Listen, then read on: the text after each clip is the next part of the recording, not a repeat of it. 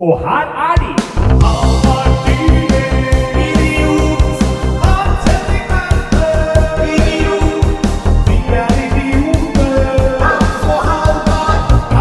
Der vi i gang med en, eh, nok en episode av podkasten Kan idioter ha rett? For første gang dobbel episode. Og får vi høre Åh, det er ikke en fyr som skal glemme. Nei. Er- Så der er vi rett og slett i gang. Og med vårt nye konsept, Ja. faste doble. Det, og det syns jeg er et godt konsept. Ja. At det, skal det være, så skal det være dobbelt, tenker jeg. Ja, ja. Altså, klarer du én, så klarer du to, Ja, tenker jeg. det er eh, en podkast i eh, Ropstad sin hånd. For faen, eller Jeg har ikke respekt jeg, for podkaster som slipper bare én. For er klarer du den ene, så klarer du faen meg Ja, den andre òg. Og det, altså, det har du tid til. Det, det, du har et studio, du har tid. Det er en tabell. Det er bare å få det til å gå opp, og bare gjøre det. Og når du har spilt inn første, så bare rydder du plass til neste. Ja, det er bare å trykke eh, stopp. Ja. Eh, fyre opp det du skal ha å drikke og gå på do. Ja. Og så kjører du på meny med en gang. og i det vi beskriver dette her, så er det jo sikkert noen som lurer på Men hva er poenget da med doble? Hvorfor ikke bare kjøre én dobbelt så lang? Men der tror jeg ikke hadde funka like bra. Nei, jeg er enig. Det er noe med det der å starte på nytt. Ja, ja, ja. Få en ny intro, en At, ny at liksom vi er, eh, vi er en ny start. Ja, nytt tema. Nytt tema, ny, eh, ny giv. Ja. Alt, er, eh, alt det gamle er på en måte glemt. Så Ja. nå er vi i gang på nytt. Og så tenker jeg En annen ting som er bra med konseptet, er at vi har jo denne første spalten vår nå, som er Hva har skjedd siden sist? Og det som har skjedd siden sist, er jo ikke en dritt. Vi satt jo her for fem minutter siden og spilte inn dette her. Ja, ja. Men Vi har tissa begge to. Ja, men det har jo skjedd fordi vi spiller inn såpass sjeldent. Ja, så så har vi jo fortsatt fortsatt en bank av ting å prate om. Uh, så, så da Ja. Og jeg har lyst til å ta med deg til Nord-Norge. Ja. Uh, rett og slett. Eh, for det har skjedd siden sist. ja. Jeg har møtt altså Dette her var før Antonsen Gate, men jeg møtte rasister på byen i Nord-Norge. Ja, for der, men er det Er det andre folk der? Nei, og det er det som er litt poenget her. For jeg var eh, av gårde Et lite tettsted eh, oppe i Nord-Norge. Og, og eh, vi var jo innom på hvem som skal kastes ut av puber i forrige episode. Her skal ingen kastes ut av puber. Nei. For jeg kommer tidlig til eh, venue med en av de andre komikerne. Ja. Vi skal stå i overetasjen og vi skal få middag sånn i 4.50. Så vi sitter og spiser middagen vår og får noen øl. Da er det oss der eh, på ett bord, en barnefamilie på neste bord, og på bordet bak der de lokale fyllikene. Blant annet en eller annen fyr som alltid satt og drakk der, som de kalte for Torstein Husløse eller et eller annet. For greia der var jo sånn at Han var alkis, da, men han var, han var eh, snekker. Åh, Vondt å være hvor, Ja. Var det Finnmark, eller? Eh, Nordland. Ja, Vondt å være hjemløs der om Ja, det er det. Den tror jeg er meget, Ja. meget lei. Så han, eh, greia der var visst at han hadde hatt fire koner.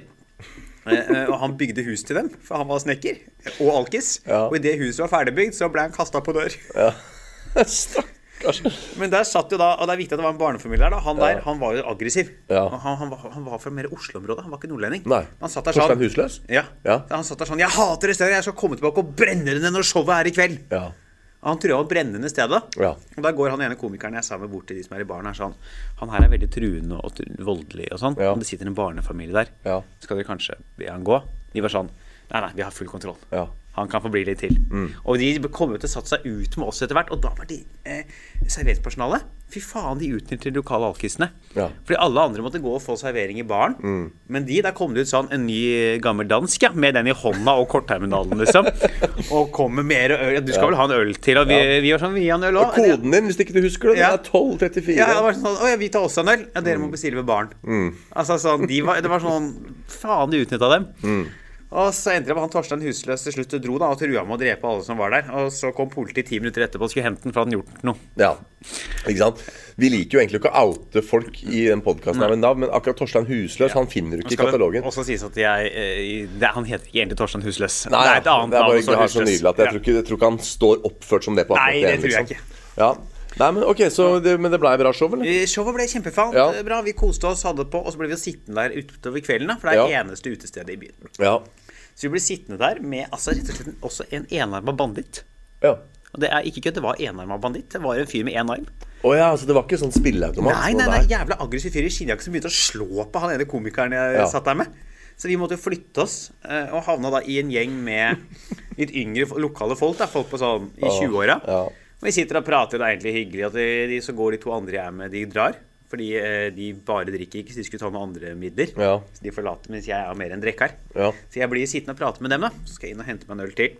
Så går jeg inn, kjøper ølen på vei ut. Så Plutselig så blir jeg møtt i døra på vei ut. Så står det bare eh, inntil veggen og litt sitter ti lokale gutter. De har ikke vært på show, Nei. men de er lokale.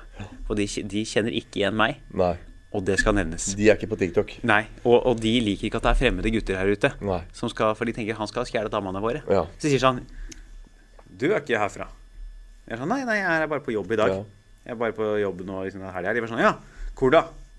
På Feskefabrikken. Jeg var sånn Nei, jeg bare Nei, jeg bare gjør en annen jobb her. Ja, OK. Når skal du dra, da? Nei, jeg drar i morgen. Ja, OK. Men du er ikke herfra. Jeg er sånn Nei, det er på en måte etablert at ikke jeg er. Ja, OK. Vi følger med. Åh, er dette sant? Ja. Det er, så- jeg bare, det er, det er så mye å ta tak i her. For det, altså, for det første, hvis noen skal på kødd si sånn Å, i Nord-Norge, der er det bare folk med skinnjakke og én arm, og en lokal fyr som heter Torstein Husløy, som ikke har hus Ja, ja, det høres ut som jeg kødder. Ja, det høres ut som du prøver å ta alle klisjeene bare på, på kødd for å male et bilde Ja, av. Nord-Norge. da Og så har du sånn wannabe mafiagjeng Ja. som kommer og skal si at de følger med. Og liksom, Jeg var gutter i 25-åra, Ja. og de skal ikke ha noen andre unge gutter eh, som reiser inn der. De og- skal ikke ha noen med nytt blod og nye Nei. gener inn i den miksen der. For han har kanskje en sjanse. De er blitt avvist av de samme jentene siden Ja, ja. de var ni. Ja, ja, ja. Så eh, nei, det er klart at du er en reell trussel. da, For Ja, jeg ja, tenker jo, du er jo ikke den største alfahannen jeg har vært borti sånn, Jeg vil ikke påstå det, jeg heller. Hva gjelder eh, størrelse på hode og ører og, og, og, og evne til å puste eller spise brød. Nei. Så, jeg, jeg har ikke gluten, jeg har ikke matallergi. det hva er det du har, da? Du har, nei, det var den vitsen hvor du jugde på deg glutenallergi. Ja, ja, ja. Ikke sant? Eh, Men jeg er allergisk mot alle dyr. Alle dyra. Ja. Ja. Fram til de dør. Men du har hatt uh, fuglen min på hodet, da. Ja, men eh, det er jo ikke så Jeg tror ikke så- Fugler tror jeg kanskje ikke er så Ja, du veit hva de sier, da. Det er bedre med én fugl på hodet enn ti på taket. Så... det er bedre med én fugl i hodet enn én i astmaen. Ja. Nei, men eh, ikke sant så, så selv om du kommer der med ditt eh, tuberkuløse oppsyn Ja. og dine flagrende ører, så, så skjønner de at dette er, dette er nytt blod inn. Ja, og han har. Også, kan også skjønne hvor lav selvtillit du har. Ja. Hvis du ser meg ravende små brisen gjennom puben og tenker Nå er jeg trua. Ja. Vi følger med. Det sånn, ja, det tror jeg ikke dere trenger, men Nei, nei, eh, greit. det-. Det er veldig, veldig, hyggelig å vite at noen passer på. Ja. Tenk deg han at her ser han kommer i en fyr med sånn dårlig klipt, krølla hår og eh, småbrisen gjennom og, og skeiv i kroppen og lite hode og store ører. Og han er sånn Du er en trussel. Ja. Mot hva?! Da tror jeg vi pika noe jævlig på oh, ja. opptaket. Ja. Ja. Hvem er det jeg truer her? Er det deg? Ja. Er det deg og de ti bolevennene dine? ja. ja. Eller, eller er det bare så dårlig stilt der oppe at du kommer inn som en slags Don Juan? At det, Det er så innavla og råttent at det liksom For Det var litt mørkt jeg, da jeg prata med dem, så kan det godt hende at han hadde øye der munnen var. Ja. At jeg hadde trodde jeg hadde øyekontakt, men jeg så i én munn og ett øye. Ja. Det veit jeg ikke. Uff meg. Eh, Men jeg går jo ut, da. Ja. Og det er jo da jeg føler at jeg må jo Jeg gikk på en smell. Ja, Ja. Eh, Jeg gikk på rett og slett en klassisk antirasistisk smell. akkurat. Ja, Som man kan gjøre når man kommer fra Oslo ut på bygda. Ja. Nei, men er vi, Går vi nå inn i noe som er litt lite woke og litt lite Eh, Jeg er ikke lite woke, Nei. men de jeg var med, var Ja, altså, jeg er ikke, Dette er ikke noe jeg, jeg tror ikke jeg ryker på denne her, Nei, historien her. Nei. For jeg blir sittende med den gjengen her. Det er fem-seks stykker. Vi prater og holder på. Så er plutselig en av de som beskriver en fyr, da, mm. ut fra hudfargen. Ja. Og bruker da N-ordet Ja, nettopp. i en litt sånn aggressiv måte. Ja. Så blir det sånn. Og det, det får du jo ratt 16 000 og, og mange dager Ja. betinga for. Så det er ø, og så ø, Det er bare hvite til stede nå, da. Ja. Eh, Og så øh, er, jeg dum nok, da? Mm. Jeg er for dum, og jeg, jeg, det, jeg kommer til skade for å si Nei, det sier vi vel ikke. Mm. Jeg var sånn, "Jeez, hva er- ikke- nei, sånn kan vi ikke holde på. Altså, den, den med to g-er, den Ja. verste varianten. Ja, ja, ja. Og så er det sånn Å ja, nå er det Nord-Norge-gutten min. Ja. Og da begynte de å kaste det ordet mellom seg i en gjeng som sånn måker. ja. Og hadde sånn le, og da Og jeg ser meg Skal ha, skal ha, Ja, ja, ja. skal ha Der Ja, ja. med det verste Men bare med, og det er ja. ja, og dobbel G og i hele pakka, liksom. Ja. Og jeg bare sitter Nei, hva er Og da var jeg sånn Hva er det nå, sånn, det- Så sa jeg bare sånn Dere, jeg går og kjøper en ny øl. Ja. Så gikk jeg og kjøpte en øl, bæla bare dro jeg på hotellrommet og la meg. Å, fytte rakkeren. Ja, det er eh, eh, Det er jo ikke bra. Eh, ikke bra. Fortalte dette her til han eh, Fordi jeg hadde også de andre jeg var med. Hadde Ja. også hatt problemer med lokalbefolkninga dagen før. Ja. Eh, De fleste var hyggelige. Det var et par i sånne. Så sa jeg det til han ene Han er fra Nord-Norge, da, ene jeg var der med. Så fortalte jeg han det jeg satt rundt frokostbordet. Han sa sånn Er du idiot? Mm. Her skal du komme som en osloværing og Ja, fortelle dem hva de kan si og ikke si. Ja. Du må jo skjønne at det går gærent. Men du skal i hvert fall ha for at du eh, For det har jo vært litt sånn kritikken nå i kjølvannet av Antonsen Gate og sånn. Det der med å si fra og ikke si fra. Ja, men her var det jo ingen til stede som egentlig ble ramma, da. Så det var jo litt mer eh, Ja, nei, sånn sett, ja, for det var ikke noe offer og en pågående sånn sett situasjon, nei. Men jeg, jeg vil allikevel berømme deg for at du liksom sier opp mot alle disse gærningene. Eh, Liksom, eh, sånn sier vi vel ikke, gjør vi det? Så innså jeg sånn til det jeg sa fra, så søker jeg bare for at det ble mer. Så det hjalp ikke så mye. Det Ja, du jo du kasta rett og slett bensin på bålet. Det Ja. ble mer eh, Ja. dobbel G og Ja. ja, og, ja. Ikke sant? Ja. Men ene var litt deilig òg, vet du. Så skulle jeg faen ja. Så det var det var derfor det var, det var en trussel. Du skulle inn. Du, skulle, du skulle bryte opp familiedynastiet med litt uh... Det var jævla deilig, det var jævla deilig det der. Ja. Ok, men du, da er jo dette her offisielt nå en, eh, en uh, trussel spesial. Ja, denne episoden her. Trussel spesial. Ja, det er, men det er jo det. Fordi jeg Ja. nevnte jo um, i forrige episode, Ja. som uh, våre Lennarts der ute formodentlig for kort, kort tid uh, siden hørte, så nevnte jeg at jeg også har jo vært i en Fy faen, vet jeg bare ting jeg glemte å si i forrige episode. Ja, For vi snakka jo om Fifa. Ja. Og eh, eh, um, den forrige som eh, Sepp Blatter er presidenten i, var jo president i Fifa fra 90-tallet. Men han, da han hadde én motkandidat før han vant. Mm. Og hva het han? Trussel? Lennart! Ja, Lennart. Ja! ja. ja, nettopp. Eh, jeg foreslo ja. Det var en svenske. Lennart, Ja. Lennart Jonsson eller noe sånt. det er, men det er mye, mye vanligere navn i Sverige enn i Norge. Det, det navnet. Ja, nei, der, eh, der, der foreslo jeg at han het Trussel. Fordi jeg var jo inne, jeg var i ferd med å etablere et poeng her. Ja, Dette er jo så- Dette er jo så dårlig podkast. Nå hakker det, Halvard. Ja, ja. Prøver jeg å bygge opp til at det skal være et poeng med at det er trusselspesial. For du har snakka om noen truende greier. Jeg har en historie på noen truende greier som ble pitcha i forrige episode. Akkurat det jeg skal til å komme til poenget. Så kommer du inn med noe som er helt irrelevant. Nei, enig, enig, Og, men da tenker jeg Vi har Jeg jo skal revurdere mitt forhold til alkohol. Ja, Uh, og, Men vi skal ikke revurdere vårt forhold til dårlig lyd. Nei. For det skal være dårlig lyd, og det fikk vi jo innspill på når vi var på Josefine på en av de episodene våre. Og på toget så var det en som spilte inn at nå er det der det skal være, lydmessig. Og jeg tenker at det, vi må ikke bli for gode dramaturgisk heller. Nei. Vi kan ikke ha en strømlinjeforma Altså, vi har, vi har faste doble episoder. Ja. Det får være mer enn nok. Vi kan, Vi, vi kan ikke be om mer. Ikke. Når du har faste doble, da kan du ikke forvente at dramaturgien er god. Nei, helt Ikke sant? Og ikke lyden heller. Nei.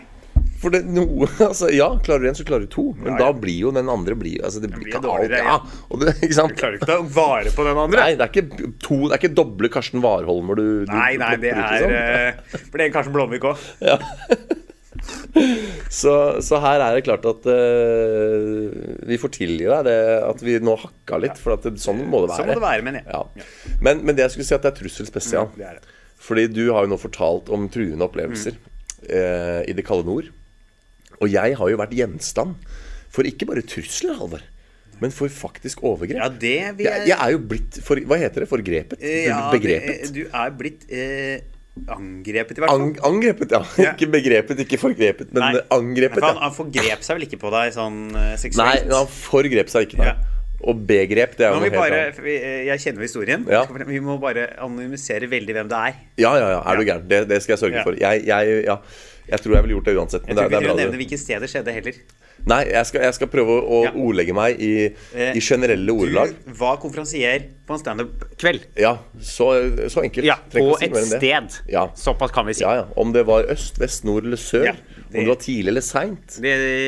Og når, det sier vi ikke. Nei. Men du var konferansier på en standup-kveld. Ja. På en pub. Og det var eh, spennende, det er nok. Eh, som konferansier så har man jo gjerne et litt sånn overordna ansvar. For å passe på at eh, lyset er stilt inn riktig, at alle komikerne har møtt opp i riktig tid, at teknikerne er på plass og våken og edru. Og, eh, Edru nok, i hvert fall. ja. Og eh, hvis det begynner å nærme seg showstart, og det fortsatt er ledige plasser på første og andre rad, så skal man kanskje jobbe for å få folk til å sette seg litt fram. Så jeg har nok å tenke på den kvelden. Eh, og, og det skjer jo, eh, som, som vi eh, fryktet, at det var et problem med å få folk til å sette seg fram. Og jeg prøver å gå opp på scenen og si liksom Kom gjerne og sett dere fram, men ingenting skjer. Um, og dette sier jeg fordi det er faktisk vesentlig for historien. Fordi dette er jo da sånn Det showet begynte åtte, det kan jeg si. Og sånn, Jeg så, så vi trenger ikke være på det. og sånn ti på åtte eh, så gikk jeg opp på scenen, altså før showtime, og brukte mikrofonen som et virkemiddel for å få alles oppmerksomhet for å si 'veldig hyggelig hvis dere kommer og, og setter dere lenger fram'. Um, det skjedde jo ikke. Så går jeg og henvender meg til en annen komiker, kvinnelig, som også skulle stå, og sa liksom 'kan du prøve', for jeg, jeg fikk ikke det der til. Og hun går opp på scenen og kjører en mye bedre strategi enn meg. da For det kan godt hun hadde klart dette her bare med personligheten sin, men hun greide å si liksom De som kommer og setter seg foran, får en ølbong. og da kom det jo folk så etter hvert så, som kom folk fram. Det er også typisk sånn folk som ikke drikker. At det er en mulighet de har. Ja. De kan dele bognene sine. Vi som drikker, har ikke den muligheten. Nei, jeg var jo konferansier, så jeg hadde mange bonger den kvelden. Jeg Ja. kunne faktisk gjort det Ja. hvis jeg hadde tenkt på det. Men eh, da kommer det folk fram. Men, men bare legg merke til den delen av historien. For det er faktisk litt vesentlig at det er to personer som har vært oppe på scenen og tatt mikrofonen og gitt beskjed eller spurt om ting.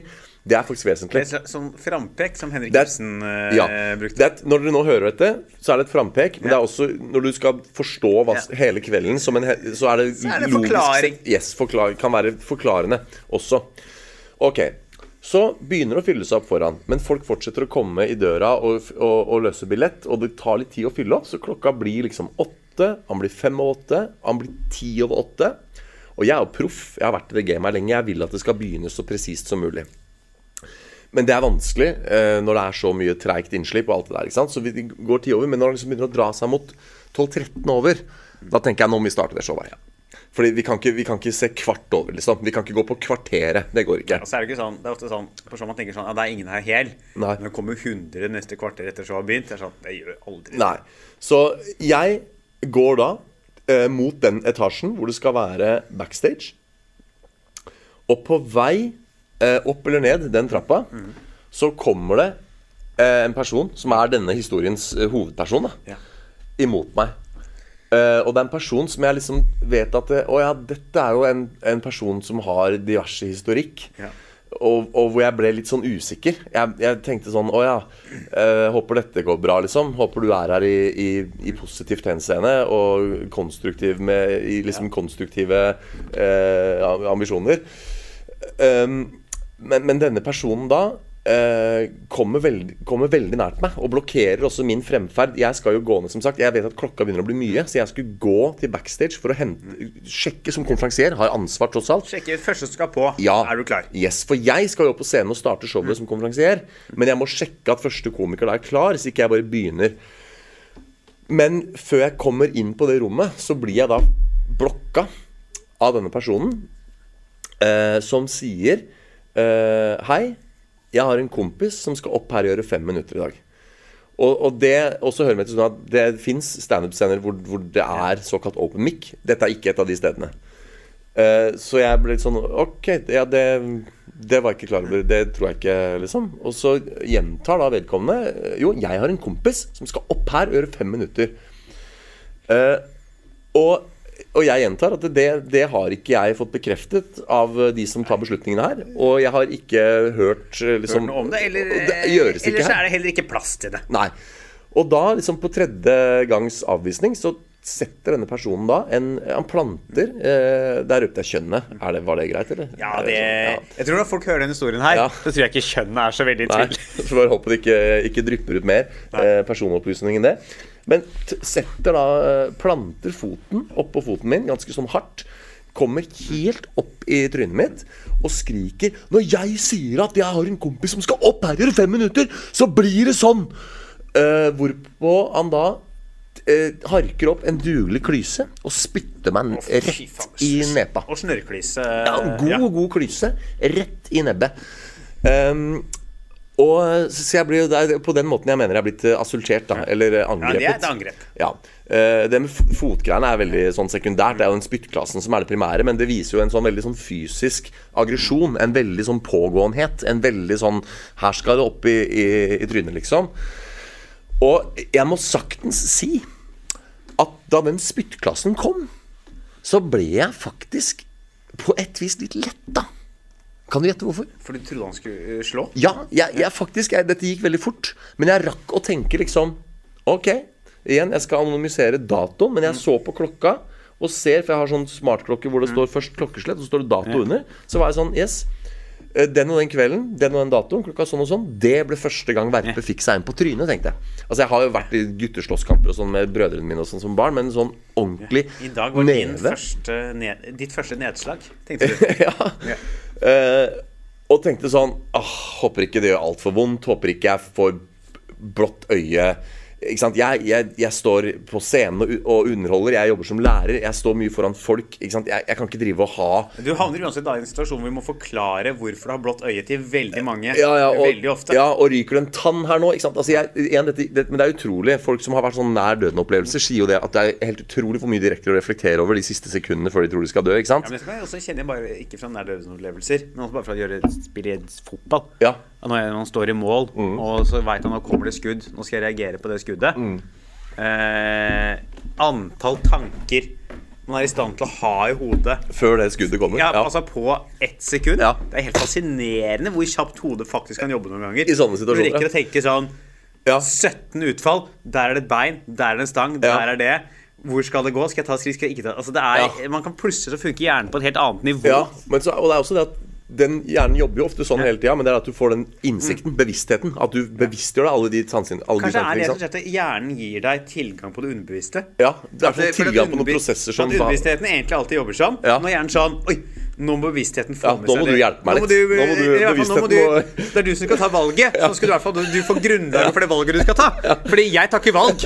Jeg bare tenker og kaster ut ideer. Er Men nå må du faktisk få eh, informasjonen som vi vurderer dette her ut men, ifra. men nå tror jeg der er du inne på noe litt sånn paradigmeskiftende eh, psykologisk teori. For det vil jeg tro er liksom sånn Man har jo den underbevisstheten som jobber, og når den liksom har bestemt seg for hva som er er, er god informasjon, så sender han det opp til Ja. bevisstheten. Så bevisstheten er sånn Å, se hvor flink jeg er som tok disse valgene. Så er det sånn Du, du gjør Nei. ingenting. Det er underbevisstheten som jobber. Dette er jo. Keith Johnson-teori. Er det det? Ja, ja. Ok, så det er allerede postulert? Nei, det at uh, underbevisstheten gjør masse valg, Ja, det er jo Keith Johnson sier jo det. ja ikke sant? At han sier, Når han i- snakker om improvisasjon, Ja. sier han jo Jeg tar jo ikke noe valg. Nei. Jeg stoler på at hjernen min er mye smartere enn meg. Ja. Så du må jo la hjernen jobbe. Ja, også, da er spørsmålet hvem er dette jeg? At det, Ja, ja. Han, det er da overbevisstheten, ikke sant? Eller Ja, og han snakker om hjernen som overbevisstheten, Ja. og jeg som bevisstheten. Ja, og da er det den derre eh, overbevisstheten da, som, som påberoper seg Ja. alle valgene. Men så er det egentlig underbevisstheten som jobber. Ja. Men da i sånne krisesituasjoner som det er, så er det underbevisstheten bare sånn Jeg trekker meg! Ja. Jeg Ja. vet ikke hva jeg gjør. Nei. Og bare spiller ballen over Ja, til bevisstheten. men, men gi bare sånn Dette er de vurderingene jeg gjør. her er det. Ja, jeg, vil, you jeg, jeg vil ikke ha skylda Jeg vil ikke ha skylda for hva som skjer videre. Og tenk om, å, det er rått. Tenk om krisehåndtering og fotballskåringer og andre sånne situasjoner hvor det er mange utfall, mange muligheter, og du må fatte en beslutning raskt. Så er det egentlig bare underbevisstheten som bare feiger ut. Og åpner det der sløret mellom bevissthet og underbevissthet. Så bevisstheten, som sitter her, ikke har noe erfaring med å ta beslutninger. Som bare er sånn Oi, helvete, helvete, her var det mye informasjon. Ja. ni, oi, satan, nå var det Oi, verden går i sakte film, ja. I Ja. faen i helvete, hva skjer nå? Den er ikke dum, altså. Den er ikke dum For her, det er også noe med bare sånn Bare det med Nå sa du verden går i sakte film. Måten vi erfarer tid på. ikke sant? Ja. Er tiden universell og fast for alle, eller persiperes den ulikt? Barn syns f.eks. det å vente fem minutter er en evighet. Voksne liksom kan synes fem minutter bare er sånn. For dette, dette jeg tenker litt på. Ja. At jeg ikke skjønner at vi ikke har klart å lage dop eller noe Ja. som gjør at vi kan oppleve verden i sakte film. Ja. Fordi det- altså, At hjernen vår er begrensa på hvor kjapt den kan gå. Ja. At ikke jeg kan kunne ta et middel som gjør det sånn Å ja, nå funker jeg på fem ganger det resten av verden gjør. ja. Og det vil jeg nesten tro kommer en gang. Fordi at Hvis ikke det allerede er funnet opp, bare holdt hemmelig. Jeg tenkte jeg så bra tenkte jeg for militæret. Ja. Mm. For en soldat som skal inn i en slåsskamp. Bare sånn, Å ja, Ja. nå er jeg sju ganger raskere enn deg i hodet. Ja, men så greit, da vinner jeg den Det er jo en, en, eh, en fiolinist som heter Roman Kim, som mener at han har funnet opp noen briller som gjør det der. Fordi han spiller tekniske ting på fiolin som er så vanskelig at han mener at dette går ikke hvis du erfarer tiden sånn som vanlige folk gjør. Tiden må gå saktere for at du skal få til de tingene jeg gjør. Og det er liksom de bunka egentlig ingen som tror på men han har noen sånne briller da som han alltid setter på seg før han spiller, som han har funnet opp sjøl. De brillene kjøper jeg ikke. For at det kan gå med noen medikamenter eller et eller annet. Ja, og det, og det, men sånn, på, helt på ekte, da, innenfor uh, filosofien, så er jo det et spørsmål. Er tid universelt? Fordi eh, Er det bare en persepsjon, eller er det faktisk at tiden går saktere for forskjellige arter, forskjellige faser av livet osv.? Uh, men for å gå tilbake til bevissthet og underbevissthet, det er veldig gøy. Det er litt sånn moro, og her tror jeg vi faktisk er Igjen, som vi snakka om i forrige episode, gå 200 år fram, så skjønner folk hva den podkasten handler om. Ja, ja. Nå, Det vi snakker om nå Vi, altså, om vi skal 200 inn i lærebøkene, vi. Ja, vi for faen. Hvem var det som oppdaget først at eh, be, at vi, at underbevisstheten kan slippe til bevisstheten fordi den ikke orker å forholde seg til Ja, ja. At det er bare underbevisstheten feiger ut når det gjelder. For han vil ikke ha skylda. Og så kommer bevisstheten inn og er sånn faen. Og da også, når du, når du når jeg nå Det vi begynte med å si, eller som jeg begynte med å si, var at det var utrolig eh, sant, hvor mye jeg rakk å tenke på den tiden. At I forbindelse med at underbevisstheten slipper til bevisstheten i vurderingsgrunnlaget, så opplever du også at tiden går saktere. Fordi bevisstheten plutselig blir sånn Oi, her var det mye jeg måtte forholde meg til. Ja, for plutselig så får du ti ganger de tankene du er vant til å ha i løpet av Ja. et sekund. Får du sånn Ja, Opp der i overbevisstheten. Ja. Tenk deg, Ja. Og der er det fordel, vet du, fordi jeg eh, har jo et navn med en forbokst, etternavn med en forbokstav som er eh, før alfabetet enn deg. Ja. Så det blir Dyrnes et al. når dette skal siteres på Ja, ja, det blir, det blir ikke verpet av det- Verpe nei. Nei. Men, men er det ikke blitt sånn hvis det er to Nei, det er ikke ett all når det er to forfattere. Nei, så da blir det begge. Dyrnes og Verpe. Det blir Dyrnes og Verpe. Ja, da, da står det om 200 år eh, Det viser seg at i krisesituasjoner eh, spiller underbevisstheten fallitt og overlater beslutningen til overbevisstheten. Dyrnes og Verpe Ja. 2022 22? Ja. er nydelig. Og så er det link til Kan idioter ha rett på Spotify. Og når du tryk, trykker på den linken, så kommer du ikke noe sted, for den, da er den nede. Den, Ja. eh, For det kan vi si, vi legger aldri ned. Nei. Men i 2223, da er vi ikke tilgjengelig. Det kan jeg bekrefte. Ja. Ja. Eller det kan godt hende podkasten er tilgjengelig. Ja, Nasjonalbiblioteket har lasta oss ned og lagra Vi skal ligge på Nasjonalbiblioteket. Ja, ja. På en sånn utstilling. Faen skal vi det. Eh, men faen, dette ble ikke den episoden jeg hadde trodd. Men dette var jo veldig veldig nydelig digresjon. da Ja. For det som er avslutningen på denne historien her, er jo at jeg da Ja, for bare for få for tilbake, Du har blitt spytta i trynet Ja, ja. av en fyr som skal krever at Ja, en altså- kompis skal gjøre fem minutter. Ja, så var det det øyeblikket ikke sant hvor jeg skjønner at nå er det aggressivt. Han har allerede satt foten på foten min. Han er helt oppi trynet mitt. Og før han offisielt spytta, så kom det jo enkeltdråper i fjeset mitt fra, fra det kjeftamanget.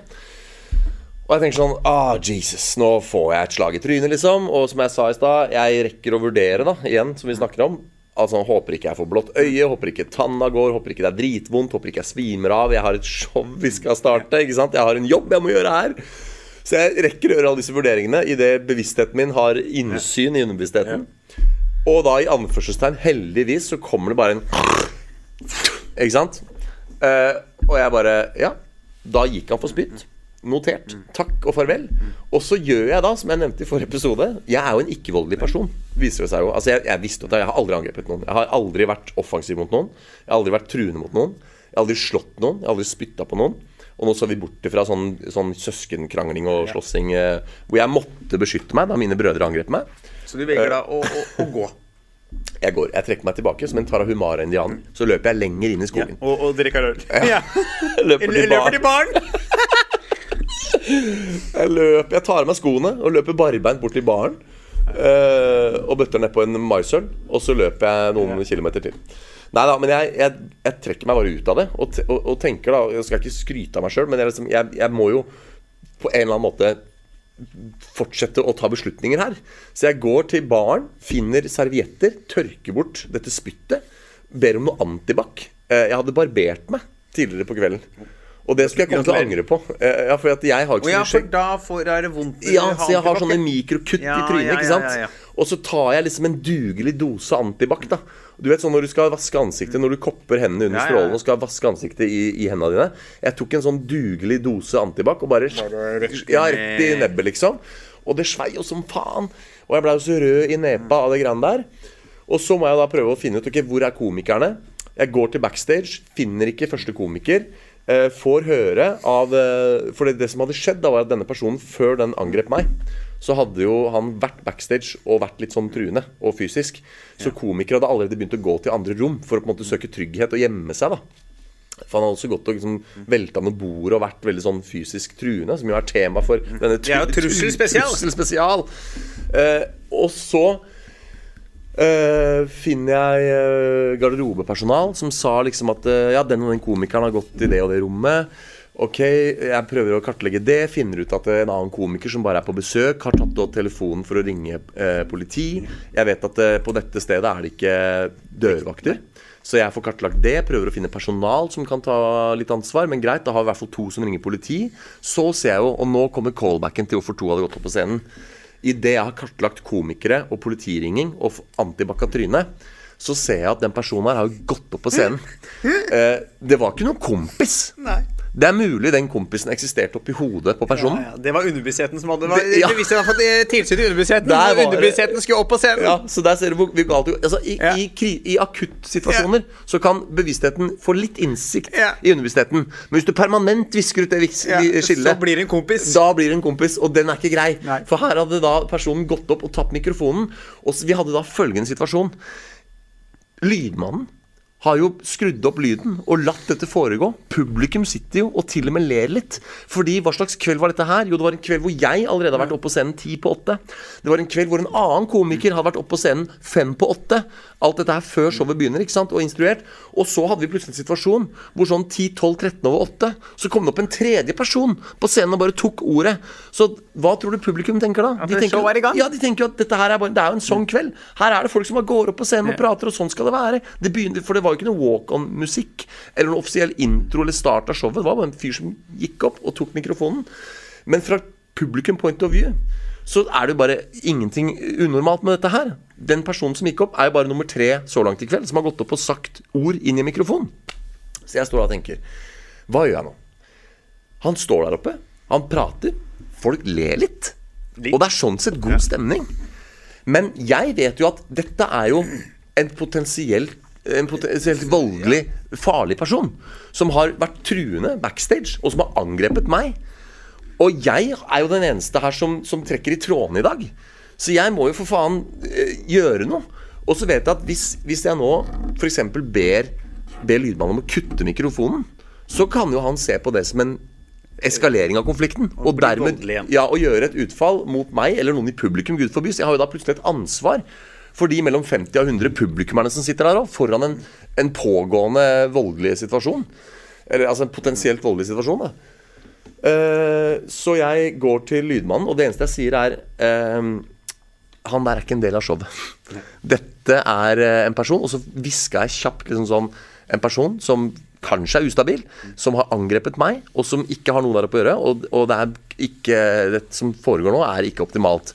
Og jeg, men jeg ba han aldri kutte lyden, fordi jeg vet at som jeg sa, gjør vi det, så kan det eskalere.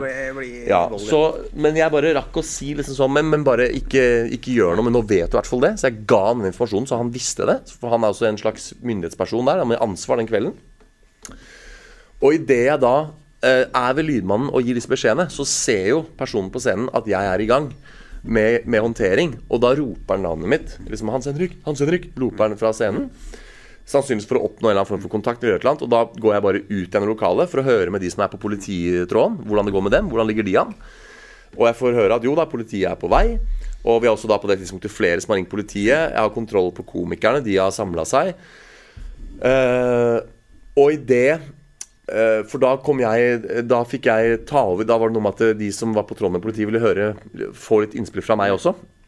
Eh, og idet jeg liksom supplerer politiet med informasjon, så ser jeg at personen som har, er ansvarlig for disse ugjerningene, er på vei ned fra scenen. Ja. Så da tenker jeg ok, nå har vi en slags midlertidig krisekontroll.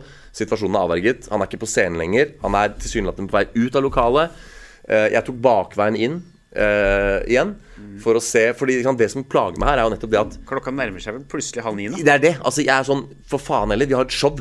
Vi var allerede 12-13 minutter på overtid. Det er uheldig lenge å vente. Nå har denne personen gått opp og, og tatt ytterligere fem. Og så er det krisehåndtering før og etter der, så vi begynner å snakke ti på halv ni, fem på halv ni. Klokka begynner å bli så mye at det showet her må i gang. Folk sitter jo og har betalt billett her. Ikke sant? Og igjen, hadde det gått helt batshit, hadde han blitt vold, massevoldelig og angrepet, og en, da, da ville man selvfølgelig bare kansellert. Men jeg vet at vi balanserer på en knivsegg. Her er det fortsatt sånn at Det vi kan bli show! det kan bli show, men nå er det jævlig sårbart. Fordi hvis han nå forlater åstedet, politiet kommer eller hva, så lenge han i hvert fall går vekk, og så lenge jeg nå ganske snart kan gå opp på scenen og starte showet, så går det akkurat. Men publikum er allerede utålmodig, for de har venta lenge nå, og det er tredje gang noen har gått, opp på scenen og sagt noe uten at showet offisielt har starta. Så jeg får bekrefta at politiet er på vei, jeg får bekrefta at første komiker er klar.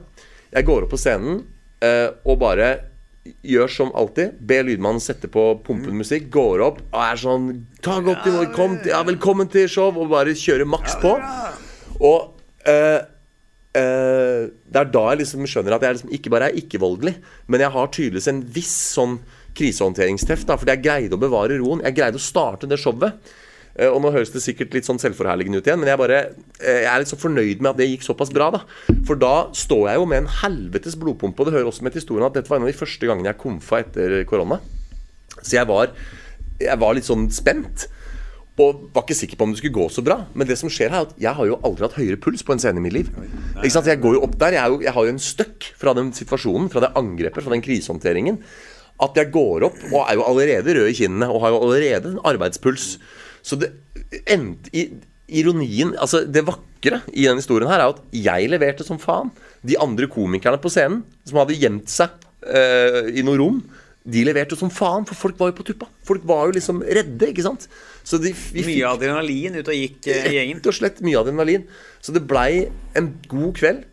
Eh, krisehåndtert. Vi kom seint i gang, men alle leverte. Alle var på. Jeg har aldri vært så levende på en standup-scene før. Jeg har aldri vært så, liksom, innbiller jeg meg, da, vital på en scene. Så nå har du en ny greie at du må bli spytta i trynet før du går på. Jeg komfer ikke en standup-kveld uten å bli attakkert Ja. eh, i spytts form før jeg går på. Men det skal vi få Hans Der var det glemmeåpning! Oi, oi, oi, oi, oi, glemmegjeng. Gikk den for fort for deg? Nei, den gikk Ja. veldig kjapt. Ja. Ja. Men Er ikke det en grei avslutning på skjedd siden sist? da? Ja, det er i hvert fall eh, Vi er 35 minutter inn, Ja. så det gir mening å gå videre Skal Så vi gønner oss videre på hovedbolken? Uh, Eller vi- har vi noe mer eh, Nei, det eneste er jo har, Det er jo en hale på den historien her med at det ble en sånn running gag. Med at, fordi, Ja. jeg bare, bare, bare si det kjapt At det, Komikere sier mye rart på en scene. Noe av det de sier er sant, noe av det de sier er usant. Og publikum vet jo aldri om det er sant eller usant. Så jeg prøvde jo å gå opp der og si det. Først så var jeg bare proff. Først så bare sa jeg 'velkommen til show', nå starter vi. Profesjonell, fokus på arbeidsoppgaven.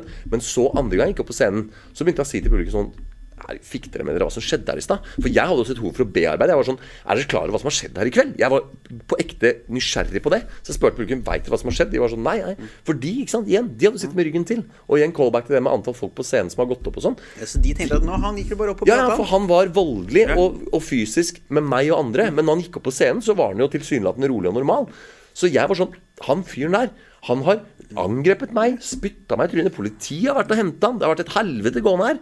Og publikum var sånn ha-ha-ha, liksom kødder du? Og så tok det jo eh, lang tid før publikum i det hele tatt skjønte at det var sant. Fordi politiet var jo fortsatt ute i gangen og tok vitneavhør av han der ene i garderoben. Så, så var det liksom først i, i den første pausen at en publikummer liksom hadde vært eh, på do, og så møtt meg bare sånn Å, faen, var det legit? Ja. Så alle de referansene jeg gjorde til det som hadde skjedd, det var sånn folk bare sånn Har dette skjedd, eller har det ikke skjedd? Og så når de så politiet, så sånn Ok, shit, det har skjedd. Og da fikk liksom kvelden en helt sånn annen Så etter tone. pause så ble det annerledes. Ja, det ble en sånn annen vibe hvor folk var sånn Å, faen. Vi har liksom vært Vi har hatt en gærning foran oss som har stått på en scene og vært utilregnelig. Men vi sitter her, og faen, i politiet Så det fikk et sånn alvor hvor de hadde ikke følt alvoret på kroppen, men de fikk liksom høre at Å, faen, det her har skjedd. Og det også gjorde liksom Ga en sånn spesiell eh, aura altså. på kvelden. Men det gikk fortsatt bra, da. Det gikk bra. Så, bra. ja. Det var godt håndtert, da. ja. Nei, da Du, jeg, på, vi jeg har en eh, kjapp historie til. Ja, ja, kjør på. At, For vi har jo trusler spesial. Ja, ja, det er trussel. Har noe med- som har med trusler å gjøre. Jeg måtte avverge en truende fyr i Kristiansund. Ja, du måtte det? Har du Ja. ikke vært inne på det tidligere at du ikke er eh, den som er best egnet til å Nei, altså det var ikke noe voldelig. Eh, men eh, jeg var jo på jobb i Kristiansund. Eh, underholdt på en, var konferansier for en oktoberfest. Ja. Og da med et Ompa-band som spilte imellom. Ja. Folk er dritings på slutten. Ja. Tøff jobb. Eh, men så ender det da med å dra på byen med han ene i Ompa-bandet. Ja. En gutt på ca. min alder. Ja. Og i Kristiansund så er det ikke så mange steder man kan dra. Nei. Jeg hadde vært der dagen før. Da vi dratt med på et eller annet utested som het noe Christian eller noe sånt. Og tenkte jeg da drar vi dit. Eh, og det viser at dette stedet har egentlig 20-årsgrense. Mm. I, I realiteten det er 17. Ja. Så det er veldig unge folk, så vi blir sånn for, så vi går og setter oss i et hjørne. Mm. Fordi vi er to vi, vi er begge øh, 27-28, vi har ikke lyst til å møte 17 år gamle jenter på byen. Det er jeg ikke interessert i, Nei. Det blir, det blir nei fra meg. Eh, Så vi sitter der og prater, og der vi har det hyggelig oss imellom og snakker om jobben. Og han er musiker og snakker litt sånn Ja, faen, hva er din karriere? Og han ville være musiker, men han gjør litt sånne coverbandjobber for å tjene penger. Og. Mm. Så kommer det plutselig en sånn lokal pukkal bort til oss da på 2-23. Mm. Og, og han setter seg, og vi er sånn Ja, vi får prate med han, da. Mm. Så ender det opp i en samtale hvor vi nevner en sånn norsk musiker som er blitt flytta til Irland nå fordi han har tafsa på dattera si. Ja. Eh, Da flytter man til Irland? Ja. Ja. Eh, eh, og, og så plutselig sier han fyren sånn Og så tror jeg jeg og han jeg er med, da, vi er sånn ja, faen, vi syns det er ubehagelig å være her. Mm. For det er masse 18-åringer på sprit. Og han er sånn Ja, men det er jo, det er jo kult. Mm. Han er til Kristiansund, og han er sånn Ja, men det er jo fett. Vi er sånn, Hvorfor er det fett? Han er sånn, ja, men det er lettere å få dem med hjem. Vi er sånn, ja, men så gjør vi sånn, Nei, nei, stopp, stopp. stopp. Ja. Er det ulovlig å ligge med en 18-åring som har drukket sprit, ikke sant? Ja. Han er sånn Nei, nei, nå er det lov, det. Jeg er jo 16 som er grensa. Vi er sånn Nei, ja, ja, ja. ja. Altså, ja, seksuell lavalder er 16, ja. Ja. Men du kan jo ikke skjenke en 16-åring og ligge med henne. Han er sånn Jo, det kan jeg vel. ja. Altså sitter vi da i en time da, må bruke en time på å da forklare en fyr på 25 at det ikke er lov å skjenke 16-17-18-19-åringer. ja. Ja det, det er i hvert fall um, Og det mener jeg er trussel, det er trussel spesial. Ja, det hører hjemme i en trusselspesial. For det er, det er jo en slags truende atferd. Og, eh, og det er jo en, en ugrei situasjon hvor du da Ja. går inn og avverger. Og det, i hvert fall når vi da er på et utested, Ja. og jeg ser masse jenter i russeslippgenserne Ja. sine Ja, og så er det jo For det er klart det er jo lov å spandere. Det er jo da være hyggelig å ta neste runde, liksom. Men hvis du, når du driver og, og råskjenker folk eh, bevisstløse Ja, og det, men det, men det er også er det jo lov å spandere en øl på Ja. noen som er 18. Ja. Men det han mente, var at det her må det være lov å spandere shots Ja. med sprit. Ja. Sånn, nei, men det er jo ikke lov! Nei, det er faktisk ikke lov. det er per definisjon Mm. et lovbrudd. I hvert fall du skal ligge med en etterpå. Ja. Nei, har vi flere trusler eh, fra Cecil? Nei, det, er, flere trusler. Det er den nye spalten her i Kan Ja. Hvilke trusler har du Ja, opplevd siden sist? er eh, vi skal ha to trusler hver episode. Ja. Og så er det to klager på Låven eh, bar ja, det er Loven bar i eh, på Sjusjøen. Ja. ja. Men skal vi gønne oss videre til hovedbolken? da? Vi går til hovedbolk. Arbeiderpartiet sliter om dagen. Ja. Strømkrise, eh, finansiell krise, eh, krise på krise på krise. Ja, Trond Kriske. Trond krise. Ja. Eh, apropos Allar og spesial. Eller Ja. alle, det var Bær og Beyer, det. Eh, Trussel spesial. Ja, Ja. ja, varsling spesial. Varsling spesial, som vi har nå, eh, er jo at eh, der går det dårlig. De er nede på 16% på meningsmålingene. Ja, Og spørsmålet er da havner de under sperregrensa. Ja, Heldigvis er det tre år til valg for dem, så det er jo lenge å tenke på. Men eh, spørsmålet er altså Er, de, er Arbeiderpartiets storhet over? Ja. For de har jo alltid vært et av Norges to største parti. Det er vi liksom vant med. At det er Arbeiderpartiet og Høyre. Det er, vel liksom, de er de to største partiene, og så er de andre med og gjøgler. Men nå faller de altså som fluer på meningsmålingene her. Ja, jeg, sy- jeg, synes det er litt gøy. jeg liker disse litt sånn ekstreme spørsmålsstillingene. Eh, Kommer Arbeiderpartiet til å havne under sperregrensa? Fordi I forrige episode så var jeg så veldig bastant på at selvfølgelig blir det ikke VM i Nord-Korea. Og det er så samme her, man tenker sånn Selvfølgelig kommer ikke Arbeiderpartiet under sperregrensa. Ja, det kan hende de sliter, kanskje synker. Men hallo, de kommer ikke under sperregrensa. Men jeg er ikke så sikker. jeg. Altså nå er det liksom Man har jo tidligere vært sånn Å, SV under sperregrensa, eller MDG under sperregrensa, og dette, Venstre under sperregrensa, KrF under sperregrensa. Men Ap, hallo. De er ikke noe under noe sperregrense, liksom. Men de er jo et stort parti. Ja, men nå er det jo faen meg en velgerflukt som ikke ligner grisen. Nei, det er eh, Det går dårlig der om dagen. Ja. Og de har eh, De har mista liksom grepet om kjernevelgeren, kan det nesten eh, virke litt som. ja. Og så var det en kommentator som jeg syns oppsummerte veldig fint. At når de på en måte innfører det man kan kalle litt sånn upopulær politikk, da, sånn høyere skatter og sånn f.eks., så møter de motstand blant folket, som er de som stemmer på dem. Og så sier de hele tiden sånn Vi har tro på vår politikk. Vi har tro på at dette er det riktige å gjøre. Eh, vi vet at. Og da var det en kommentator som sa det virker som de på en måte hever seg over folk flest og sier Dere der ute, folk flest, dere veit ikke deres eget beste. Vi forstår dette. Dere forstår det ikke. Vi er nødt til å gjøre upopulære tiltak. Og for det også har det jo blitt sitert på ikke sant? at eh, upopulære tider krever upopulære beslutninger. Et eller annet sånt grei piss. ikke sant? At vi må gjøre noen upopulære beslutninger. Eh, Så det er på en måte litt sånn antipopulistisk politikk. Men hvor, hvor da kommentatorer har påpekt at eh, da fremstår du veldig arrogant som politiker. Du kan kanskje Som populist kan du fremstå veldig ettergivende og veldig medhårsstrykende og veldig sånn værhanepolitiker. Men som, sånn som Ap holder på nå, så fremstår de veldig sånn ovenifra og ned. Du, kjære velger, du veit hva du prater om. Du stemte på oss, men øh, nå tar vi det herfra. Ja, ikke sant? Takk for din stemme. Ja. Vi har nå fått makt. Takk skal de ha. Ja. Rykk tilbake i køen. Ja. Nå går vi og gjør hva faen vi vil. De rykker tilbake til eh, start. Nå Ja. tar vi og ordner resten her. Ja. Og det er ikke bra, for det er klart, men, men jeg ser jo, for dette er jo interessant, fordi de, de sitter jo på makt og må jo ta de reelle beslutningene i en fuckings regjeringssuppe, som har vært en suppe siden dag én. Altså SV, som historisk har vært et samarbeidsparti for Ap, nekta å gå i regjering med De dem. ville ikke inn med Sp, vet du. Nei, ikke sant? Og noe som jeg mener er bra, noe som jeg mener er et eksempel på integritet. ikke sant? At du, du går ikke på kompromiss. Du tenker sånn Ok, greit det. Vi har en samme type politisk holdning, men ikke for enhver pris. Da setter jeg meg i opposisjon. Og så sitter jo SV og Rødt der som opposisjonspartier. Når det ble jo, for det var jo blått og sånn som hadde Ja, vi har jo nå en mindretallsregjering. Rett og slett. Og vi hadde liksom jæklig mange som stemte på rød-grønt. Som på tross av den fantastiske innsatsen Erna og dem gjorde under koronaen, så tapte de valget ganske nedslående. Rød-grønt fikk flertallet, og så ble det bare sånn Å ja, men det er bare Ap og Sp som ender opp eh, med Det var kanskje det der brakvalget Sp gjorde, Ja. som fucka opp litt også for venstresiden. Ja. For det er jo et eh, parti som har litt eh, spesielle ting for seg. Nå snakker vi jo for om Ap, men hva, hva tenker du er det Sp-messige her? For det er jo litt interessant. Men det er jo også. Arbeiderpartiet s- også samarbeid med Sp, da. Ja. Fordi du har jo Sp er jo et populistisk parti. Ja. Altså Trygve Slagsvold Vedum mener jeg er en slags Trump-figur. Ja. ja, det har du sagt på poden Eh, tidligere òg. ja. Ja. Eh, han har jeg ikke sansen for overhodet. Verken som, som også hvordan han oppfører seg som politiker, hvordan han har løyet i rusdebatt på TV. Mm. Ja. Eh, hvordan han tidligvis er helt virkelighetsfjern han kommer med tall rundt budsjetter. Mm. han, var, han er jo finansminister. Ja. Og hadde jo noen tall rundt disse budsjettene for uh, barnefamilier på Debatten tidligere i år som er helt feil. ja, han sto med whiteboard og Ja, og, og det er bare sånn ja, men Nå er det andre gang på et år du ljuger i Dagsnytt 18 eller Debatten, liksom. Ja. Og at liksom Arbeiderpartiet går inn i en regjering med en sånn fyr eh, og et sånt parti, da, så jeg tror jeg kan være og er også vært skadelig for dem. Mm. For det Senterpartiet som er nå, er jo ikke det Senterpartiet som var før.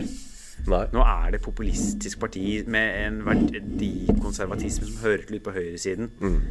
Eh, mens de kanskje har en økonomisk politikk som ligger lenger mot venstre. Ja. Men de har så mye ved seg som hører til på andre siden, at jeg tror Ja. det regjeringssamarbeidet her er eh, Men er ikke det også en sånn generell problem med norsk politikk i dag? At, eh, At de, venstresiden er blitt mer konserv ja, at, at, ja. De, at Senterpartiene heller mer mot høyre, men også at noen av venstrepartiene gjør det. At Ap, som skal være en motpol til Høyre, begynner å ligne så jævlig mye på Høyre at det er jo flere som uironisk, Halvard, har foreslått Kan ikke bare Ap og Høyre slå seg sammen? Ikke sant? Fordi Jeg har sagt det sjøl, jeg. Ja, ikke sant? Og, og det er jo litt sånn bare, Vi skal snakke om eh, Fordi økonomisk politisk, da. Ja. Og dette her er en ting som gjør at ting der, Vi har jo den høyre-venstre-aksen som vi bruker Mm. politikken. politikken. Begynner, å begynner å bli litt utfordra. Ja. For det er jo partier som Arbeiderpartiet som i eh, sånn eksempel i rusdebatten og i en del sånn likestillingssaker Ja. stiller, ver- stiller verdimessig, altså menneskeverdi, til høyre. da for Høyre. Mm. Hvis du har Høyre som er mer liberalt parti, og så er det Arbeiderpartiet som er konservativt parti. Ja. Men hvis du kommer til det økonomiske, så er det motsatt. Og så da Ja. er det Og så har vi da latt liksom disse skillnadene bli styrt av det økonomiske. Og plutselig Ja. så har du de verdimessige tingene rundt Mm. eh, som gjør at man får en eh, veldig sånn rar sak hvor liksom høy, Høyre er mer liberale Ja. eh, enn Arbeiderpartiet på ikke-økonomiske punkter. Mm. Det er, altså, I land hvor det blir jævlig mye inflasjon, så, så stryker man til slutt bare null fra tallsystemet. For det blir så mye inflasjon at det er sånn et brød koster 100 000 kroner. La oss bruke kroner som eksempel. Ja. Det blir så mye inflasjon i Norge at et brød koster 100 000 kroner. Da eh, Det høres jo helt tøysete ut, ikke sant? Så for å fikse opp i det kan man liksom bare stryke to nuller fra tallsystemet sitt. Man kan si ok, alle har den samme økonomien de har i dag. Alle har den samme verdien i kroner og øre. Men vi deler det på 100. Ja, vi bare stryker to Vi tar over og under brøkstreken Ja. og stryker to nuller med blyanten vår. Sånn at, ja, og leilighet, brød, møbler, penger, Ja. alt sånn. Det gjelder alt, men vi bare stryker to nuller, og så blir det litt, litt lettere sånn tallmessig. Ikke sant? Og når du kommer til det punktet inflasjonsmessig, da tenker jeg sånn Kan du ikke gjøre noe lignende i politikken? Når, når Ap og Høyre begynner å liksom forfekte så mye lik politikk, kan du ikke da bare si ok, nå resetter vi politikken. Takk, vi, nå har det sklidd ut i en god suppe siden vi innførte demokratiet. Nå starter vi på nytt. Ap og Høyre, dere går sammen. Dere er et, et Ja. styringsparti et eller annet sted på midten eller noe. Og så kan SV bli det nye Ap, og Frp bli Ja, det men det er ikke så dumt, det forslaget der, altså. Nei. Jeg syns ikke Og og så har det vært noe forfriskende om vi kunne ha eh, innført liksom mer at når vi snakker om politiske partier, at vi bruker mer kompass, politiske kompass, har man Ja. alle sett. Hvor du har økonomi, og så har du liberal Ja, og fascisme. med ja. Og at man kan begynne å bruke det mer når vi viser hvor partier står. At vi kan se sånn altså, At det plutselig viser at det er altså, At Arbeiderpartiet og Høyre kunne vært regjering altså, Det hadde vært forfriskende om de hadde gått altså, ja, ja. At det er sånn Å ja. Så også nå Sikkert noen politiske kommentarer som er sånn at det er ikke bra fordi det skiller ut skilleveggen i norsk politikk, men også noe forfriskende at folk bare er sånn men vi vil jo bare det beste for det norske folket. Og akkurat nå så er vi faktisk enige om Mm. Ja. at dette er det beste. Ja. Så da skal vi samarbeide. Ja. Og så ja, kan vi godt krangle over neste valg. Ja. Men akkurat nå er vi faktisk enige om at man ikke skaper disse Øystein Sunde hadde en rant om dette her på 90-tallet. Dette, det er veldig Eh, gøy. for- hvor Ja. han sa sånn eh, Har du sett det intervjuet med Øystein Sunde fra 90-tallet? ja, ikke på dette temaet, Nei, ja, det var han sier sånn at norsk eh, eh, partipolitikk Og han er jo kanskje Jeg er ikke nødvendigvis enig i alt han sier, da men han sier en ting som er jo veldig forfriskende. Han sier at eh, partier er jo ikke nødvendigvis avhengig av de sakene de kjemper for, men de sakene de kjemper mot. At vi er i norsk politikk er sånn Ja, Arbeiderpartiet er avhengig av at folk føler seg urettferdig behandla. Ja. Så da får de stemmer. Høyre er avhengig av at folk føler de ikke får At de betaler for mye skatt. Mm. Så da kan de få på det Altså at partier er avhengig av det Altså Partier får ikke er stemmer bra, ja. på sine, de tingene de er for. De får stemme på de tingene de er mot. ja, og det er også derfor det er lett å sitte i opposisjon. Ikke Ja. sant? Ja. Eh, Ja. Og det har vi jo havna litt i nå. Og nå plutselig har vi hatt liksom Jeg syns ikke den forrige regjeringa leverte sånn Jeg syns de leverte fint under liksom korona. Bent Høie gjorde Ja. en god jobb og sånn, men jeg, de gjorde masse ting som var veldig ille. Og jeg syns de har samarbeid med Frp er litt utilgivelig i min eh, bok. ja. Eh, men den regjeringen vi har nå, er jo ikke akkurat Nei, nei, det, heller, ingen skal liksom. si at det er et strømlinjeforma prosjekt. Jeg synes det er gøy når du sier det der med, med aksen og sånn, for det også vet jeg vi har snakka om tidligere. Og det er ikke ofte jeg gjør referanser tilbake til tidligere episoder, fordi jeg husker jo faen ikke. Vi spiller jo inn så sjeldent, jeg husker faen ikke hva vi snakker om. Men nå har, vi jo, nå har jeg gjort noen referanser tilbake til forrige episode nå, fordi vi har, vi har jo begynt med dobbel eh, Vi er jo faste Norges eneste podkast med faste doble faste episoder. doble episoder, så da blir det også enklere å gjøre callback tilbake til forrige episode. Men nå gjør jeg callback tilbake til gamle episoder, for jeg vet at jeg har nevnt det der. Vi har snakka om det med hesteskoteorien. Vi har snakka om liksom sånn f.eks. under korona, hvor vakkert det var at plutselig sto Frp og Rødt Ja. og var like enige med at ja, nå må vi bare ta raske beslutninger, finne enkle løsninger, lite byråkratiske løsninger, få på kriseordninger, og man plutselig kunne være tverrpolitisk enige med at nå er det korona, nå er det krise, nå må vi faen meg jobbe. Men også det der med den frustrasjonen som jeg vet jeg har vokalisert her i podkasten tidligere, med hvordan ja, men jeg kan være enig med Frp i det, og så kan jeg være enig med Rødt i det, og så kan jeg være enig med Senterpartiet i det. Hvordan skal jeg vite hva jeg skal stemme? Fordi det er jo ikke noe eh, tilsynelatende noe sammenheng. Og i det, den forbindelse vet jeg at du og jeg har snakka om det, og det kan være on eller off pod at vi har snakka om det, men det der med at Hvorfor er det en sammenheng mellom Hvis du starter på midten, da, og så beveger du deg til venstre Det er en sammenheng mellom økonomi og verdier. ikke sant? Ja, det er sånn, Jo lenger til venstre du går, så er det alltid liksom Ok, det er høyere skatt, og så er det innvandring er bra. Ja. Ikke sant? Og de, de, ut, er det noen sånne mønstre Og sånn, så ja, skulle man også tro til venstre så er eh, friere ruspolitikk er bra. Ja. Men så plutselig så er det Høyre som fronter ja, og, og, så- rusreformen i fjor. Og, og da er spørsmålet ikke sant? Hva er sammenhengene? Fordi det, det skulle jo på et vis kanskje kunne hevdes at det ikke er noen sammenheng. Men, men sånn, hvorfor er det sammenheng mellom ja til innvandring og ja til å gjøre skatt? Hva er linkene mellom disse problemstillingene? Og hva er det da som gjør at vi har en lineær akse til venstre og til høyre? Eh, og da var det du sa det at det egentlig er en sånn stjerne, og at man har prøvd å eh, kombinere det. Det er noen som har prøvd å lage dette kompasset. Ja, Eh, fordi vi er jo liksom vant, i hvert fall i Vesten, Ja. til at vi ser politikk over en linje høyre-venstre som Mm. handler om økonomisk politikk. Hvor det har da null nullskatt. Ja. Det eneste så har det kommunisme på andre siden. Ja, ja. Og så plasserer vi partiene ut ifra hvor de står politisk rent økonomisk. Ja. Eh, Men så glemmer jo den modellen å ta vare, tenke på hvor står partiene eh, eh, liberalistisk eh, i forhold til eh, vi altså, Menneskelige verdier, homofilt ekteskap Ja. Det er ikke det så aktuelt Nei, abort, i Norge. homofili, homofili innvandring, alt, ja. Innvandring, ruspolitikk, da. Ja. Og det er jo en helt annen liberal, ikke-liberal linje. Da. Hvis du Ja. har veldig liberal, ikke-liberal økonomisk politikk som er liksom det vi bare etablerer alt Mm. på, så glemmer vi å tenke at eh, vi havner liksom i et samfunn hvor det er på en måte nesten ulovlig da, å være for lave skatter Men for innvandring. Ikke sant? Ja. Eh, eh, at det er eh, Og det er eh, Eller at Vi må starte med partiet Lilla, som er ja, de er, ja, Rødt og Frp. Altså, eller at det kan være sånn Ja, du, jeg er for litt høye skatter, Ja. men jeg litt usikker på innvandringspolitikk. Eh, ja, Arbeiderpartiet er for så vidt ganske usikker på innvandringspolitikk, da, men Ja. eh, at vi har havna sånn, i en sånn helt sånn låst situasjon hvor det er sånn Ja. Man kan si sånn eh, Dette er et sånn tullete eksempel, men det er litt sånn Du, jeg er for veldig lave skatter. Ja. Å, så jeg er rasist. ja. Hæ? Nei, nei. Nei, nei. Nei, nei, nei, nei. Det har jeg aldri sagt. Nei. Eh, og, og, og, Men det er jo klokkereint omstilt. Ja. Det er det jeg mener litt. Ikke sant? At når du har Ja. Frp, da, som er den som er for Ja. Og nå driter jeg i sånn liberalistene og alt de der Ja, ja. tullepartiene utover der. Men, men Vi eh, forholder oss til de, de partiene Ja. som har vært på Stortinget siste Ja. året. Og, og da, ikke sant, når du sier 'jeg er for lav skatt', så Ja. tenker vi ok, Frp. Og da tenker Ja. vi i sin tur rasist. Ja, men det er sånn, eller, ja. sånn- jeg, jeg kan ha gjort det sjøl selv. jeg. Altså, hvis jeg hører noen sier sånn Du, jeg er for veldig lav skatt, Ja. så kan jeg tenke sånn Å ja. Ja, du hater mørkhudede. Ja, Som er jo en helt fucka tanke Ja. å ha. For det Og, og det er det, for jeg, dette, og dette har jeg ikke noe problem med å si høyt, for jeg har sagt det mange ganger på podkasten tidligere, men jeg stemmer jo langt ut til venstre. Rødt og SV og den gjengen der. Og, og, men jeg har ikke noen problemer med å sitte her og si at det er ting Høyre sier, og Frp sier, og jeg tenker sånn Ja, det der er ikke så dumt. Det er ikke så dumt. Jeg også stemmer på venstresiden. men Jeg var jo for rusreformen. Ja. Og veldig skuffa da Arbeiderpartiet stemte den i, Ja. i fjor. Så det er, og det er der jeg mener at det er liksom Men jeg vet da faen, jeg, nå er det jo ikke, nå er det jo ikke egentlig det vi skulle snakke om. Vi har, vet du hva, Jeg må få lov å berømme oss på en ting, Halvard. Da vi innførte doble episoder, Ja. så tenkte jeg skulle si Ja, det blir doble episoder. Det kan dere stole på. Men det er ikke sikkert at begge episodene blir så lange. Men nå har vi lagd én som er på tre kvarter, og denne her begynner å dra seg mot timen. Så vi har Klart at vi kan jobbe. Ja, ja. Klarer du én, så klarer du to. Og de skal faen være lange, begge to. Ja, ja, ja. Ehm, så, men vi er nå i hvert fall eh, på en litt sånn digresjon nå, da. Vi inn jo i diskusjonen om politiske systemer når vi Ja. snakka om Arbeiderpartiet. Ja, og sånn. sperregrense, ja. Eh, Interessant diskusjon egentlig uansett, tenker jeg. Ja, ja, og nå har jeg fått Ja. meg tre øl i nebbet, så nå syns jeg alt er bra. Nå tenker jeg sånn Dette er en sånn situasjon hvor jeg tenker at nå har vi en god diskusjon. Ja, ja. Og når jeg hører på dette i morgen, så er jeg sånn Ja, Den var ikke så god. Nei, men Man må aldri høre på egen podkast. Nei, nei det gjør jeg heldigvis Nei. ikke. det Det er den der perioden hvor vi satt møkings i Myntgata Nei, ikke i Myntgata, Nei. i Storgata. Ja, ja. Og særlig, og den har jeg nevnt mange ganger i poden. Og igjen, jeg vet ikke om den var så episk, men det var jo den da jeg kom fra jobb i Bergen med nattoget. Ja. Og hadde sittet liksom sju timer på nattoget og, og varma opp. Og så møttes vi Ja, eh, liksom nærmere midnatt i Oslo. Det er et par av de, altså.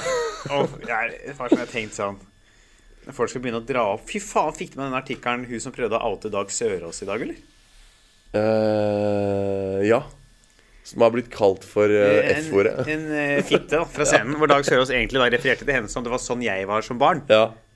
Og, og, og dette var i 2018. Ja. Og nå fire år senere så har hun laga kronikk altså, i Aftenposten og prøver å få cancela Dag Sørås. ja. Så hvis folk hører på våre podkaster fra 2018 Vi er Hvis dere hører noe dere Bye, er Nei, jeg mener, dette, det skal jeg si. Hvis dere hører noe som er sterkt kritikkverdig Ja. så jeg tenker sånn, Dette her er hårreisende å ha meldt. Ja. Send oss en melding. ja. Og så hvis vi er e- Så kan det godt hende vi er enige, vi. Da skal vi fjerne den episoden. Det kan vi ordne. Men ikke skriv kronikk. Nei, bare si ifra til oss. Ja. Vi, skal, vi fjerner det. Ja, ja. Slapp helt av. Vi, Vi er ikke voldelige. Vi løper lenger Ja. inn i skogen. Vi, vi løper til puben og Ja. episoden. Vi tar av Ja. skoa og løper til puben Ja, ja, ja, ja, ja. eh, og sletter episoden. Men vi må svare på spørsmålet vårt. Um, Arbeiderpartiet under sper- sperregrensa. innen Neste valg, da. Ja. Som, eller neste stortingsvalg. Ja.